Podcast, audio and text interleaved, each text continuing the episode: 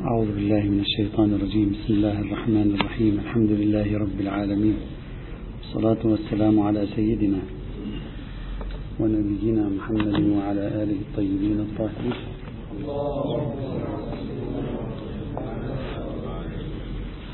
بعد أن تحدثنا عن ما طرح في مسألة مفهوم الجملة التعليلية وبتعبير آخر أيضا استفادة التخصيص من التعليل. قلنا لابد من طرح فكرة ربما لا تكون ليس ربما أكيدا ليست مطابقة لمفهوم الجملة التعليلية ولكنها تفي بنسبة كبيرة بغرض الذي يريد أن يحصل على اجتهاد تعليلي ويفعل العلة في عملية الفهم والتفسير. ذكرنا خطوة سميناها بالحل الوسطي تقوم على إنكار مفهوم الجملة التعليلية وفي الوقت عينه على إثبات إمكانية جعل مجموع النصوص خاصا بمفاد العلة. لكن بقيت آه، نقطة ضرورية لاستكمال تلك الفكرة التي طرحناها والتي تألفت من أربعة عناصر على ما أذكر. وهي التمييز بين أشكال البيان التعليلي. صيغ البيان التعليلي متعددة ليست كل العلل المنصوصة ليست كلها على طريقة واحدة في تبيين التعليل ليست كلها على طريقة واحدة في آه، شرح التعليل ومفاده.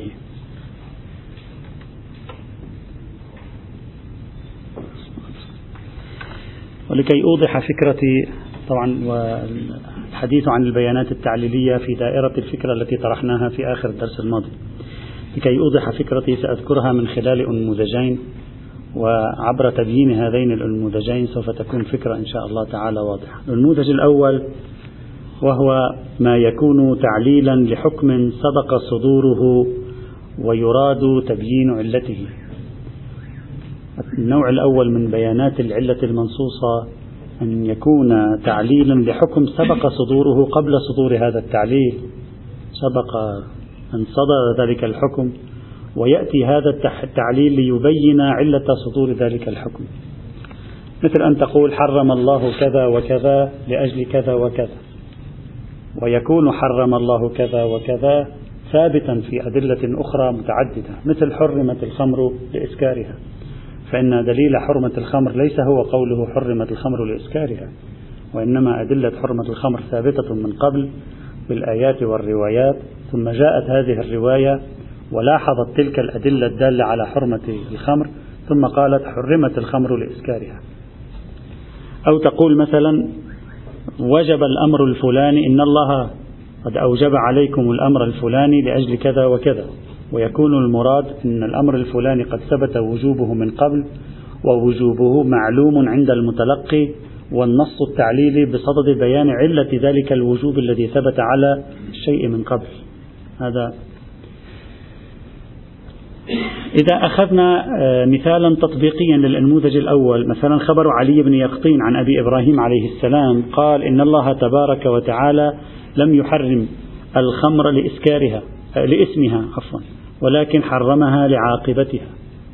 هي تقول الله لم يحرم الخمر لاسمها لأن اسمها خمر الموضوع ليس موضوع اسم وإنما لما تفعله الخمر لعاقبتها.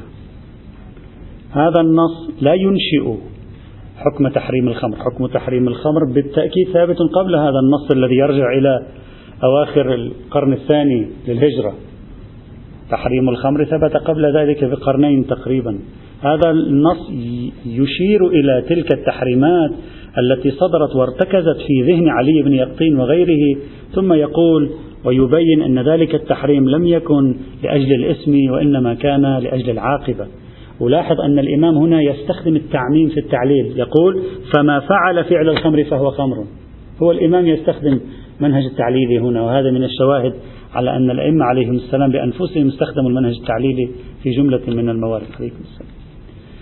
أو مثلا مثال آخر وهو صحيحة, محمد صحيحة عبد الله بن سنان عن الإمام جعفر الصادق عليه السلام أنه قال إن الله تبارك وتعالى قد رخص للمسافر في الإفطار والتقصير. التقصير الترخيص للمسافر في الإفطار والتقصير ليس ثابتا بهذا الخبر. ثابت قبل ذلك الخبر يتكلم عن ذلك الثبوت ثم يبين وجه العلة فيه فيقول رحمة وتخفيفا لموضع التعب والنصب ووعث السفر. يبين العلة.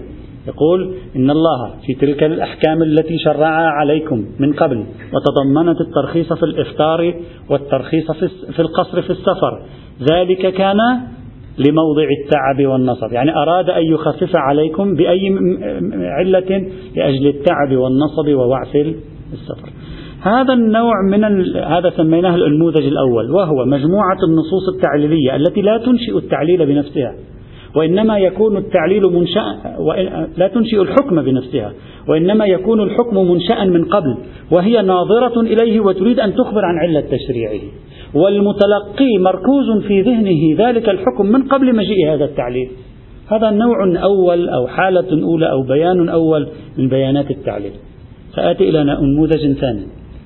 النموذج الثاني ما يكون تعليلا لحكم تم إنشاؤه في النص نفسه وليس بأيدينا ما يفيد أنه ناظر إلى شيء آخر أن الحكم ثابت من قبل.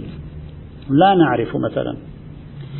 مثلا تقول يحرم عليكم يجي الرسول صلى الله عليه وآله وسلم في السنة الثانية للهجرة يقول يحرم عليكم أيها المسلمون كذا وكذا وكذا لأجل كذا وكذا وكذا.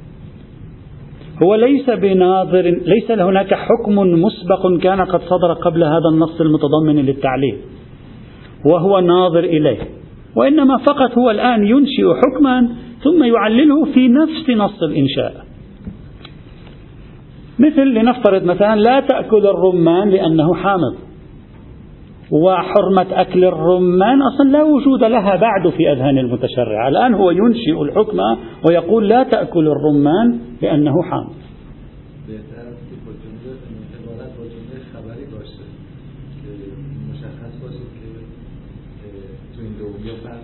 لا في في الجملة الأولى ممكن أن تكون أيضا لكن عادة هذا الذي أشرنا إليه عادة تذكرون في آخر درس الماضي قلنا عادة الجملة الخبرية من النوع الأول. الجمل الإنشائية من النوع الثاني لكن هذا ليس مضطردا أبدا يعني. ما الذي نريده من وراء هذا التمييز بين النمط الأول من بيان التعليل والنمط الثاني من بيان التعليل؟ على ما بنينا عليه في آخر الدرس الماضي. النمط الأول من التعليل يمكن أن ندعي بأن نكتة النظر موجودة فيه وبالتالي عنصر الحكومة موجود فيه. عنصر الحكومة الذي تكلمنا عنه في العناصر الأربعة في الحل الوسطي الذي سميناه الحل الوسطي. في النوع الأول في اللسان الأول في النمط الأول من البيانات التعليلية في الحالة الأولى ما شئت فعبر. إحراز كون الدليل التعليلي ناظرا إلى مطلقات وعمومات هذا ميسور. وبالتالي يمكن أن نطبق الحل الذي خرجنا به في آخر الدرس الماضي. أما في المورد الثاني هذا النظر غير واضح. لأنه لا يوجد ما بإزاء أن تناظر إليه وتريد أن تجري تنزيلا أو بيانا أو تضييقا أو توسعة فيه من خلال بيان العلة. ليس لا يوجد شيء من ذلك.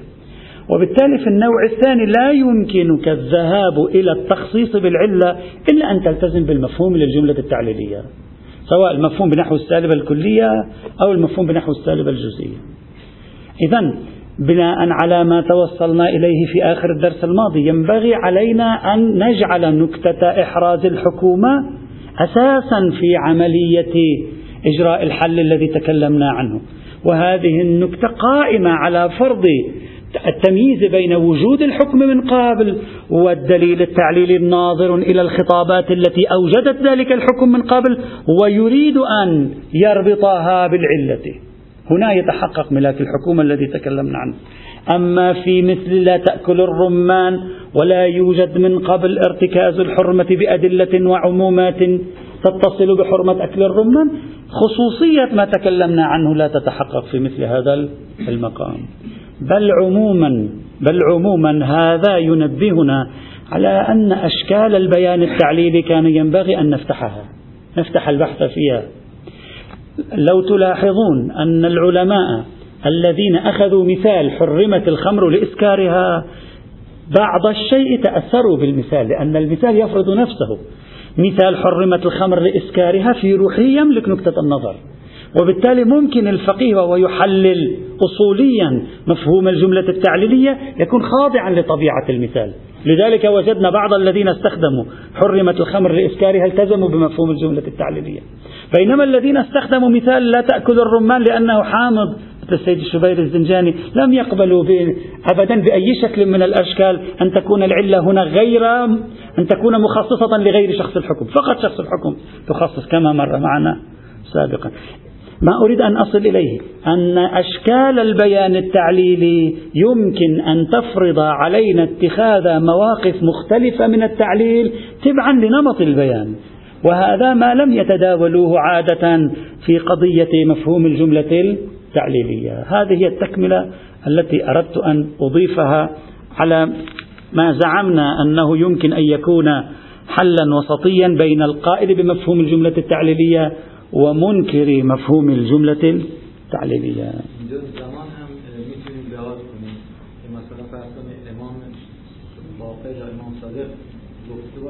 یا خود در خود پیغمبر صلی الله علیه و ما هیچ چیزی نداریم از حرمت چیزی بعد یک مرتبه. نعم نعم. هو لذلك عبرت عنها بالنموذج الأول والنموذج الثاني. لم أعبر عنها بالقاعدة. وبعبارة أخرى ممكن نجد كثير من العناصر التي لها صلة بتشكيل دلالة في الجملة التعليلية على التخصيص. أو لها صلة بعدم هذا التشكيل يعني بمنع هذا التشكيل على الأقل هذا كله فيما يتعلق بتخصيص التعليل لمفاد الحكم المعلل أي جانب التخصيص العلة تخصص وتعمم ولا بد لنا أن ننتقل إلى بحث التعميم أي العلة تعمم. هل أستطيع أن آخذ العلة وأجعل الحكم على طبق العلة في غير المورد المنصوص أو لا؟ ونحن نخرج من بحث التخصيص إلى بحث التعميم القنطرة يعني سأعتبرها هكذا هي ليست قنطرة. هي هي جسر طويل. القنطرة هي نظرية الميرزا النائيني لأن هذه النظرية هي ستتكلم عن موضوع التخصيص وستتكلم عن موضوع التعليل وأرجو أن ننتبه لنظرية الميرزا النائيني جيدا لأنها خاصة به وتشعباتها وتقسيماتها لا يعلم أم لو لم أرى أحدا تناولها بهذه الطريقة غير الميرزا النائيني إذا نحن الآن نتكلم تحت عنوان نظرية الميرزا النائيني في موضوع التعميم والتخصيص بالعلة وضمنا سيتبين رأيه في موضوع الحكمة أيضا. في الحكمة لا يوجد شيء إضافي عنده لكن في العلة الشيء الإضافي المهم غير ما طرحه السابقون. ميرزا النائيني عنده رسالة رسالة الصلاة في المشكوك والتي حققت قبل عدة سنوات قبل مؤسسة آل البيت عليهم السلام. وطبعت في 400 500 600 صفحة تقريبا. طبعا الرسالة أصغر من ذلك بكثير لأن التحقيق كبير. في هذه الرسالة الميرزا النائيني طبعا هذه الرسالة كتبت في عام 1315 للهجرة واستمر الميرزا النائيني وهو هو يشير إلى ذلك في بعض المواضع. استمر يعدل فيها ويضيف عليها إلى سنة 1352 للهجرة قبل وفاته بسنوات قليلة. إلى أن صارت هذه الرسالة في هذا الحجم الكبير صحيح هي في الصلاة في اللباس المشكوك إلا أنها في حقيقتها مجموعة كبيرة من البحوث الأصولية المستقلة أيضا بصرف النظر عن موضوع اللباس موضوع الصلاة في المشكوك. الميرزا النائيني في مقدمات يعني في بدايات هذه الرسالة الموسعة يتعرض بمناسبة ما لموضوع العلة. وهناك يطرح نظرية أشار إلى شيء من أجزائها في كتب أخرى لكن في ذلك الكتاب كمال البيان لهذه النظرية عنده. كمال البيان لهذه النظرية عنده. سأقوم بعملية توضيح النظرية على طريقتي. سوف أفكك كلامه حتى أوضحها أفكك كلامه أجعله على مرحلتين. في كل مرحلة سأجعل خطوات حتى تصبح النظرية واضحة ومتكاملة لأنه ولم يقم بهذه الطريقة في التشطير وإن كان ليست غامضة أيضا في كلماته يعني حتى لا نقول هي غامضة لا ليست غامضة. البحث في نظرية الميرزا النائيني أو شرح نظريته يكون في مرحلتين المرحلة الثبوتية والمرحلة الإثباتية. نبدأ الآن بالمرحلة الثبوتية. في المرحلة الثبوتية سأجعل المرحلة الثبوتية ضمن أولا ثانيا ثالثا. أولا ثانيا ثالثا. أولا جهات التشريع افتح قوس حكمة التشريع. جهات التشريع عند الميرزا النائمي افتح قوس حكمة التشريع. الميرزا النائمي يقول إذا كان شيء ما شرع الحكم لأجله. الجهة التي على أساسها تم تشريع الحكم. فعندنا هنا حالتين. الحالة الأولى. أن تكون الجهة التشريعية نوعية ولو لم تكن مغطية لجميع الأفراد في النوع. الجهة التشريعية نوعية ولو لم تكن لتغطي جميع الأفراد في النوع بل غطت أغلب الأفراد في النوع. وفي الوقت نفسه هذه الجهة التشريعية هذا المنطلق التشريعي غير مضطرد غير مضطرد. ما معنى هذا الكلام؟ أن يكون أن تكون الجهة التشريعية ناشئة من النوع دون أن تكون مضطردة فيه بل هي موجودة في أغلب أفراده. ما معنى هذا الكلام؟ يعني إذا قلت النبيذ حرام إذا قلت النبيذ حرام وكانت الجهة هو هذا تعبيره هو سأستخدم تعابيره وسنشعر بعد شوي نحن بالفلسفة. الجهة هذه هي الإسكار والإسكار ليس موجودا في كل أفراد النبيذ لكن نوع النبيذ مسكر. يعني الطبع الأولي في النبيذ أنه مسكر. لكن لا يمنع ذلك أن بعض الحالات للنبيذ لا يكون فيها مسكرا قليلا. فإذا الإسكار وهو الجهة خلينا نعبر عنها الإسكار وهو الجهة ناشئة عن الطبع عن النوع دون أن تكون مضطردة في جميع أفراده. يقول الميرزا النائمي الملاكات حكم التشريع المناطات التي تكون من هذا النوع لا تمنع من جعل الحكم منصبا على العنوان الشامل للأماكن التي يكون في التي تكون فيها جهة التشريع موجودة وغيرها. يقول طبع التشريع هكذا. يعني القاعدة في التشريع أن شيئا ما إذا كان في نوعه يحمل الخاصية التي هي جهة التشريع فإن المشرع يقوم بصب الحكم على هذا الشيء شاملا في حكمه حتى للأفراد التي لم يتحقق فيها مقتضى النوع مقتضى الطبع الأولي في النوع. أقول هكذا هو طبع التشريع هكذا تكون العملية التشريعية ولا تكون غير ذلك. بعدين نحن أول شيء نشرح نظرية الميرزا اليوم وغدا ثم غدا نبدأ بالتعليق عليها. إذا الحالة الأولى لجهة التشريع يعني الجهة التي دفعت المشرع إلى وضع الحكم على الموضوع هي جهة التشريع التي تنبثق من الطبع الأول للنوع الذي هو عنوان الموضوع نوع الموضوع. دون أن تكون مضطردة في جميع موارده. دون أن تكون مضطردة في جميع موارده. والقاعدة هنا جعل الحكم على تمام الموضوع على تمام العنوان شامل للأفراد الأكثر التي فيها جهة التشريع وللأفراد الأندر التي ليس فيها جهة التشريع. هذه الحالة الأولى. الحالة الثانية. يقول الميرزا النائيني أن تكون جهة التشريع غير مضطردة وفي الوقت عينه ليست ناشئة من النوع.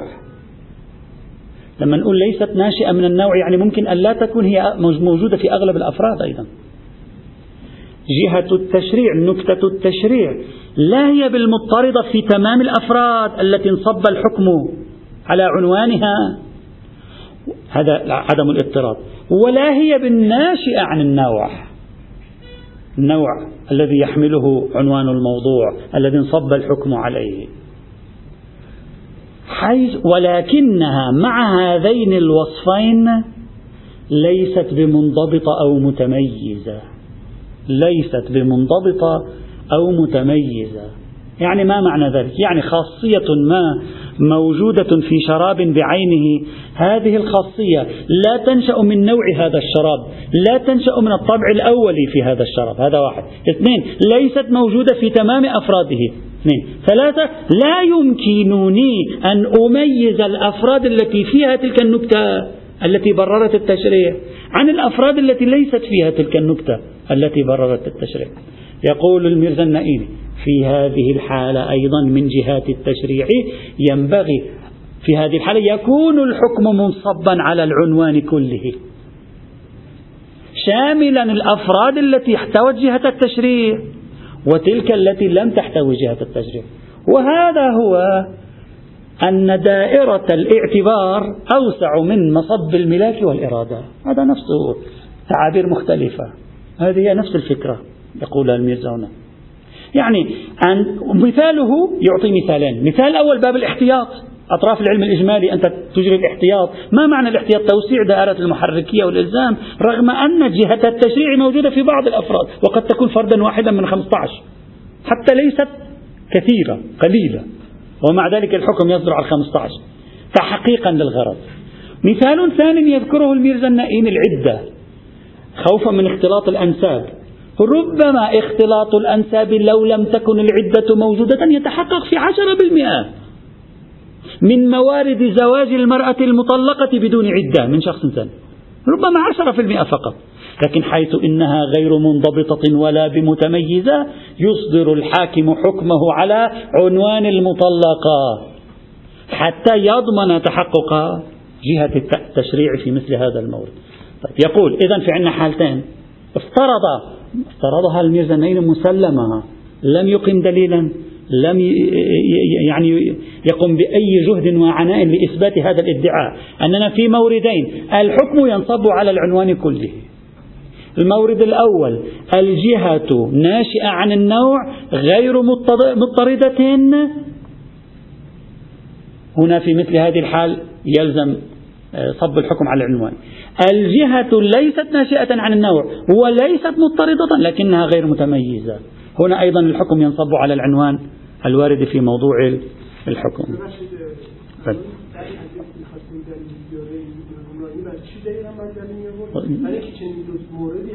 لا أن يثبت لنا أن التشريع بطبيعته في الحالة الأولى على الأقل بعدين رح نشكل على ذي أن التشريع بطبيعته لو كان ناشئا من النوع من النوع في الحالة الأولى لماذا يجب أن يكون الحكم على الكل؟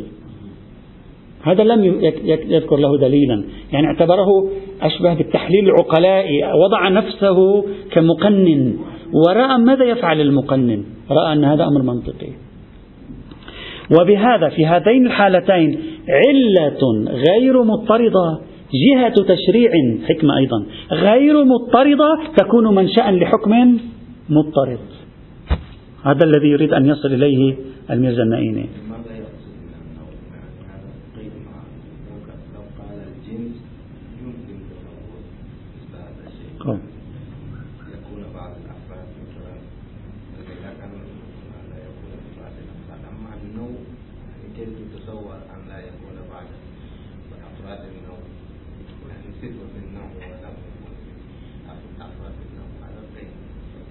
ماذا تقصد من النوع يعني غير متصور يعني طبيعة النبيذ نوعا يعني مقتضى تركيبته الأولية فيها اقتضاء ذلك.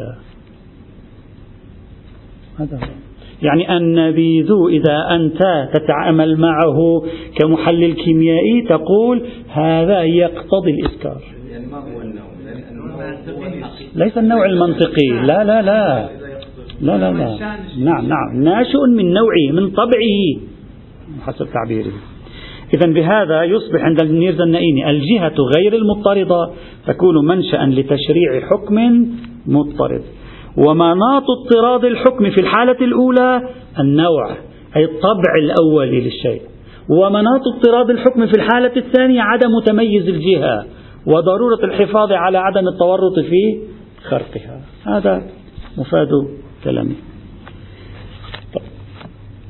إذا أخذنا الحالة الأولى وأخذنا الحالة الثانية طبيعي نعرف النتيجة في الصورة الثالثة وهي إذا كانت جهة التشريع ليست ناشئة من النوع وليست مضطردة لكنها سنخ جهة أو سنخ جهة, سنخ جهة متميزة منضبطة الحكم لا يمكن أن يكون مضطردا الحكم يكون تابعا للجهة هذه يعني إذا كانت تلك الجهة التشريعية ذاك الملاك التشريعي الموجود في داخل أفراد الموضوع الذي انصب الحكم عليه. إذا كانت تلك الجهة التشريعية تتميز بسهولة. يعني قابلة لو ألقيتها إلى الآخرين يميزون يقول هذا الفرد فيه جهة التشريع هذه فيه حيثية الإسكار مثلا. هذا الفرد ليس فيه حيثية الإسكار إذا كان الأمر كذلك نتيجة عند الميرزا النائين ماذا يقول؟ يقول لا يعقل أن يكون الحكم منصبا على كلي النبيذ لأن الإسكار ليس هو بالمنشأ من طبع النبيذ نوعا. وليس هو بغير المتميز لا نستطيع أن نميز بحيث مثلا بمجرد أن تأخذ المادة المسكرة تستطيع من النظر إليها تعرف إذا لونها أصفر فهي مسكرة إذا لونها مثلا أخضر فهي غير مسكرة. يقول في أي مبرر يجي المولى ويشرع الحكم على كلي النبيذ لا بد أن يشرع الحكم على النبيذ المسكر خاصة.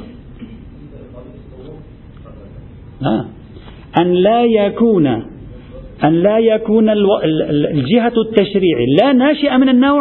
أنا أعطيت مثال أفرض أن الإسكار ليس ناشئا من نوع النبيذ. هذا مثالي الآن. الجهة المناط جهة التشريع لا هي ناشئة من النوع. يعني لا يقتضيها الطبع الأولي للنبيذ. ولا هي بغير منضبطة. منضبطة يمكن تمييزها. يقول في هاتين الحالتين لماذا يشرع الحكم على تحريم النبيذ كله؟ يقول النبيذ المسكر حرام. والمفروض أن الإسكار لا ينشأ من طبع النبيذ. هذا واحد راحت الحالة الأولى. ومفروض ثانيا أن الإسكار قابل للضبط والتمييز. راحت الحالة الثانية. ففي الحالة الثالثة لا مانع من صب الحكم في نفس دائرة جهة التشريع ولا يكون الحكم مضطردا في العنوان. هذا إلى هنا. يبدو من كلمات الميرزا النائيني ومن إشاراته بعد ذلك أنه أكثر يركز نظره على حكمة الحكم. ويخرج بنتيجة أن الحكمة لا تعمم ولا تخصص. يعني بعد ما لا معنى تعمم وتخصص الحكمة في مثل هذه الحال. لأن المفروض أن أن النص لا يجعل الحكم على الكل سيجعله على النبيذ المسكر من الأول. أو فسوف يقول يحرم النبيذ المسكر لأنه لا يعقل أن يقول يحرم النبيذ وتكون الجهة هي الإسكار لا بأس. نعم نعم نعم نعم. عملا في النبيذ النبيذ المسكر وإلا هو في الأصل يكون المسكر. والمفروض أن المسكر متميز قابل لضبط المسكر عن غير المسكر من السوائل. نعم نعم. نحن مثالنا كان في التخصيص وإلا التعميم أيضا يجري. هذا المر...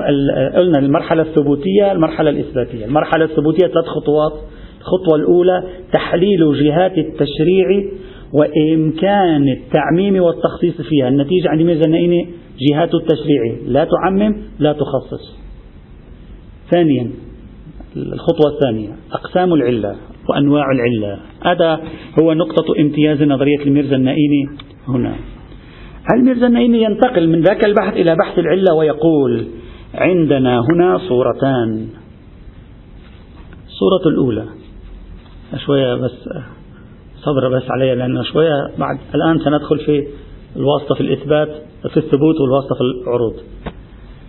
يقول بيزناني أنا عندي جملة أنا سأمثل. عندي جملة يقول الخمر حرام للإسكار. حرمت الخمر لإسكار حرمت الحكم. الخمر هي عبارة عن الموضوع ولإسكارها هو عبارة عن العلة. صحيح أو لا؟ الصورة الأولى تقول العلة ماذا تفعل؟ العلة ماذا تفعل؟ العلة تعطي الموضوع صفة إكس من الأشياء بحيث ينزل الحكم على الموضوع. وين ينزل الحكم؟ على الموضوع على الخمر. العلة هي واسطة طريق لجعل الحكم على الموضوع. فهي واسطة في الثبوت. واسطة في الثبوت. الحكم وين راح؟ الحكم راح على الموضوع. الحكم ما راح على العلة. يعني حرمت الخمر لإسكارها الحكم أين هو؟ حرمت. وين ذهب؟ ذهب إلى الخمر لم يذهب إلى الإسكار فالنتيجة حرمت الخمر وليس حرم المسكر ثبوتا نتكلم ما بعد. النتيجة حرمت الخمر. لماذا؟ لأن المفروض في هذه الصورة الافتراضية أن الإسكار كان سببا ثبوتا في لوح الواقع كان هو السبب في جعل المولى الحكم على الموضوع لا على الإسكار. فهو واسطة ثبوت حرمت على الخمر. فهو واسطة في الثبوت. ففي كل مورد تكون العلة فيه واسطة في الثبوت. الحكم أين يكون؟ يكون منصبا على الموضوع يعني على الخمر لا يكون منصبا على عنوان العلة. هذا طبيعي بالنسبة إليه. وهذا هو نفسه أنتم لو تتأملون إخواني الأعزاء هو نفسه الذي طرح في بحث الواجب النفسي والغيري هناك في بحث الواجب النفسي والغيري قالوا كل الواجبات النفسية لها ملاكات. إذا كانت الصلاة واجبة لأجل الانتهاء عن الفحشاء والمنكر تصبح الصلاة واجب غيري؟ فماذا قالوا؟ قالوا فرق بين الملاكات والموضوعات. ما معنى فرق بين الملاكات والموضوعات لا يمكن أن تتعقل الفرق بين الملاكات والموضوعات إذا لم تقبل بفرضية الميرزا النائمي هنا وهي أن الملاكات ليست سوى وسائط ثبوت لنزول الحكم على الموضوع. وإلا لو لم تكن الملاكات كذلك لنزل الحكم على الملاك ولصارت الصلاة واجبا غيريا والصوم واجب غيري لعلكم تتقون وإلى آخره. إذا هذه الصورة الأولى التي يطرحها. الصورة الثانية. أن يكون موضوع الحكم أن يكون موضوع الحكم هو العنوان المأخوذ في التعليل. يعني المولى ثبوتا الحكم عنده وهو التحريم منصب على المسكر هكذا هو الحكم أصلا. الحكم في لوح الواقع حرام المسكر وإنما قال حرام الخمر لأنها ليست سوى مصداق للمسكر. خلاص هذا هو. هنا واسطية الإسكار للخمر لثبوت الحكم على الخمر. هذا النوع من الواسطة أي واسطة؟ هذه واسطة في العروض. ليست في الثبوت لأن الحكم لم يثبت على الخمر. الحكم أصلا لم يثبت على الخمر. الحكم ثبت على المسكر. وإنما الحكم عرض على الخمر بواسطة المسكر فيكون الحكم في الحقيقة قد انصب عن المس على المسكر وإنما قيل حرمت الخمر لأنها مسكر. ما معنى لأنها مسكر؟ لا لأن فيها حيثية الإسكار جاءها حكم التحريم بل لأنها مصداق للمسكر ومجيء الحكم على المسكر يستدعي الانحلال إلى أفراده وهذا من أفراده. فتكون الواسطة حينئذ واسطة في العروض وليست واسطة في الثبوت. ما الفائدة من وراء التعليل بناء على الواسطة في العروض؟ الفائدة من وراء التعليل أن يخبرني المولى بكلمة حرمت الخمر لإسكارها أن يخبرني بأن الحكم منصب على المسكر ليس منصبا على الخمر. بينما في الواسطة في الثبوت ليس التعليل بالذي يهدف إلى أن يخبرني أن الحكم منصب على المسكر. بل يخبرني أن الحكم منصب على عنوان الخمر وأن الذي جعل الحكم منصبا على عنوان الخمر ثبوتا هو إسكار الخمر إسكار الخمر. هذا ما يفيده. آه بعد بعد. آه الآن كله افتراضي. لا ثبوت. كله في مرحلة ما زلنا. قلنا عندنا مرحلة ثبوتية مرحلة إثباتية. في مرحلة ثبوتية ثلاث خطوات بعدين نبدأ بالمرحلة الإثباتية. في المرحلة الثبوتية الخطوة الأولى جهات الحكم جهات التشريع. في المرحلة الثانية أنواع العلة. الآن نحن في المرحلة الثانية أنواع العلة. هنا الميزانين يتكلم. من خلال التمييز في مفهوم الواسطة بين الواسطة الثبوتية والواسطة في العروض يأتي هنا الميرزا المائيني ليقول ما هي القاعدة؟ نظريا ثبوتا. ما هي القاعدة هنا؟ يقول العلة تعمم وتخصص أين؟ في الثاني في الصورة الثانية لا في الصورة الأولى.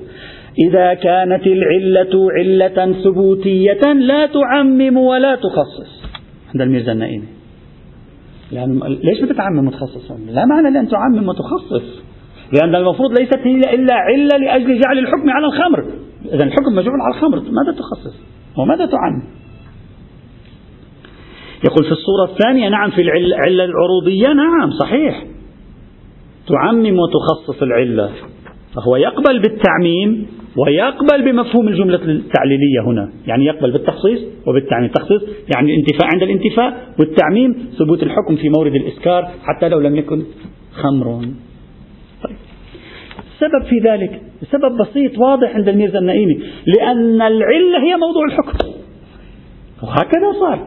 ما أنت لما تقول واسطة في العروض معنى ذلك أن الحكم انصب على ماذا؟ على المسكر. موضوع الحكم ما هو؟ المسكر.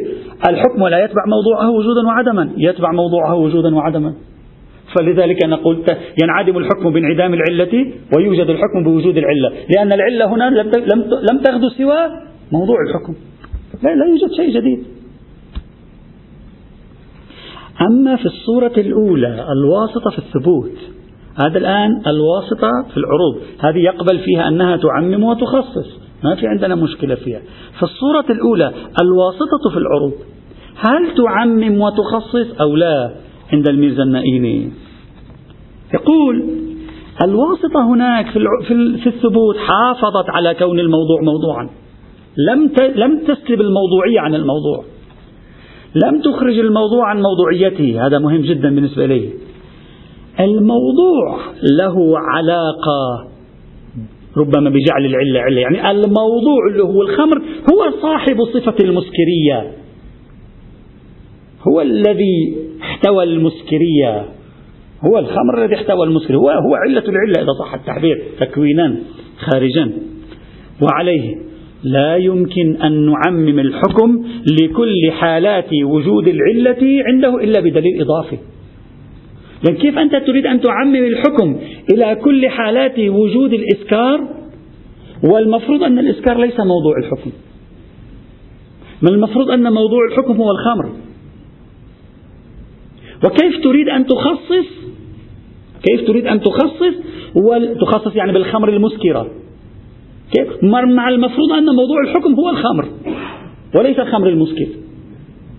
إذا أوليا قال الميرزا النائيني الواسطة في الثبوت مفترض أنها لا تخصص الحكم يعني لا تجعل الحكم ثابتا على الخمر المسكر فلو فرض وجود خمر غير مسكر لا يكون حراما لا لأنها ليست سوى واسطة في ثبوت الحكم لمطلق الخمر لعنوان الخمر حسب الفرض عنده طيب. إذا لا تعمموا لا تخصصوا وبهذا يخرج الميرزا النائمي ثالثا يخرج الميرزا النائمي بأربع نتائج. فيها تفصيل في موضوع التعميم والتخصيص. النتيجة الأولى من كل هذا البحث حكمة الحكم لا تخصص ولا تعمم. هذا انتهينا منه. النتيجة الثانية العلة بنحو الواسطة الثبوتية والتي تكون قيدا في الموضوع. يقول إذا كانت العلة الثبوتية قيد في الموضوع يعني صار الخمر المسكر قام الدليل على أن حرمت الخمر لإسكارها يعني حرمت الخمر المسكر. حرمت الخمر المسكر. إذا كانت الواسطة في الثبوت أخذت قيدا في الموضوع يعني الإسكار أخذ قيدا في المحرم يعني صار المحرم هو الخمر المسكر. هنا في هذه الحال نثبت التخصيص ولا نثبت التعميم. يعني الخمر الحرام خصوص الخمر المسكر وليس كل مسكر حرام. النتيجة الثالثة إذا كانت العلة بنحو الواسطة في الثبوت ولم تكن العلة قيدا في الموضوع يعني تمام الموضوع هو الخمرية. والإسكار ليس سوى واسطة في ثبوت الحكم على مطلق الخمرية. هنا لا تخصص ولا تعمم أبدا. الرابعة النتيجة الرابعة. الواسطة في العروض كما قلنا قبل قليل الواسطة في العروض تعمم وتخصص. صار عندنا أربع نتائج. الحكمة لا تعمم ولا تخصص. الواسطة في الثبوت لها حالتان. الحالة الأولى أن تكون الواسطة قيد في الموضوع. ففي هذه الحالة تخصص ولا تعمم. وفي الحالة الثانية أن لا تكون العلة قيدا في الموضوع. ففي هذه الحالة لا تخصص ولا تعمم. هذه ثلاث نتائج صار. النتيجة الرابعة الواسطة في العروض. تخصص وتعمم. لأن المفروض أن الواسطة في العروض معناها أن الحكم انصب على العلة نفسها. فالعلة صارت هي الموضوع. تفصيل. نعم نعم نعم نعم نعم, نعم بالضبط تماما. إذا كان الإسكار حيثية تقييدية في الحكم فهمنا منها هكذا فينتفي الحكم بانتفائه ولا يثبت بثبوتها. هذا هو وأما إذا فهمناها تعليلية محض تعليل لا دور لها لا في الثبوت ولا في العدم. منظور لا في التخصيص ولا في التعميم المقصود هذه هي نتائج الميرزا النائمي في البحث الثبوتي. المرحلة الثانية البحث الإثباتي. إذا حتى الآن صرنا في المرحلة الثبوتية بثلاث خطوات. حكمة التشريع وجهات التشريع أشكالها. مرحلة الخطوة الثانية أنواع العلة في الثبوت في العروض. خرجنا بأربع نتائج من مجموع هذين البحثين في الخطوة الثالثة. انتهى البحث الأول. المرحلة الثانية البحث الإثباتي. البحث الإثباتي هو عبارة عن جواب عن السؤال التالي. كل الذي تقدم معنا تحليل. تحليل في الهواء الطلق. ظاهر الأدلة ماذا يفيد؟ إذا أنا رجعت إلى ظاهر الأدلة الأصل في الأدلة ماذا يفيد؟ هنا هذا محل البحث. هنا محل البحث. هل ميرزا النائيني يعتبر أن الأصل في الأدلة أن العلة ثبوتية؟ العلة ثبوتية وليست بنحو الواسطة في العروض. يعني الأصل العلة ما إلى دور تقريبا تقريبا ما إلى دور. في التعميم ما إلى دور انتهى دوره. لأن العلة الثبوتية على المقلبين لا دور لها في التعميم. إذا الأصل في العلة أنها ثبوتية وليست عروضية عند الميرزا النائمي يعني ليست إثباتية. الآن سيقول الآن سنفكك كلامه بحيث نطلع منه عناصر الاستظهار الذي يدعيه.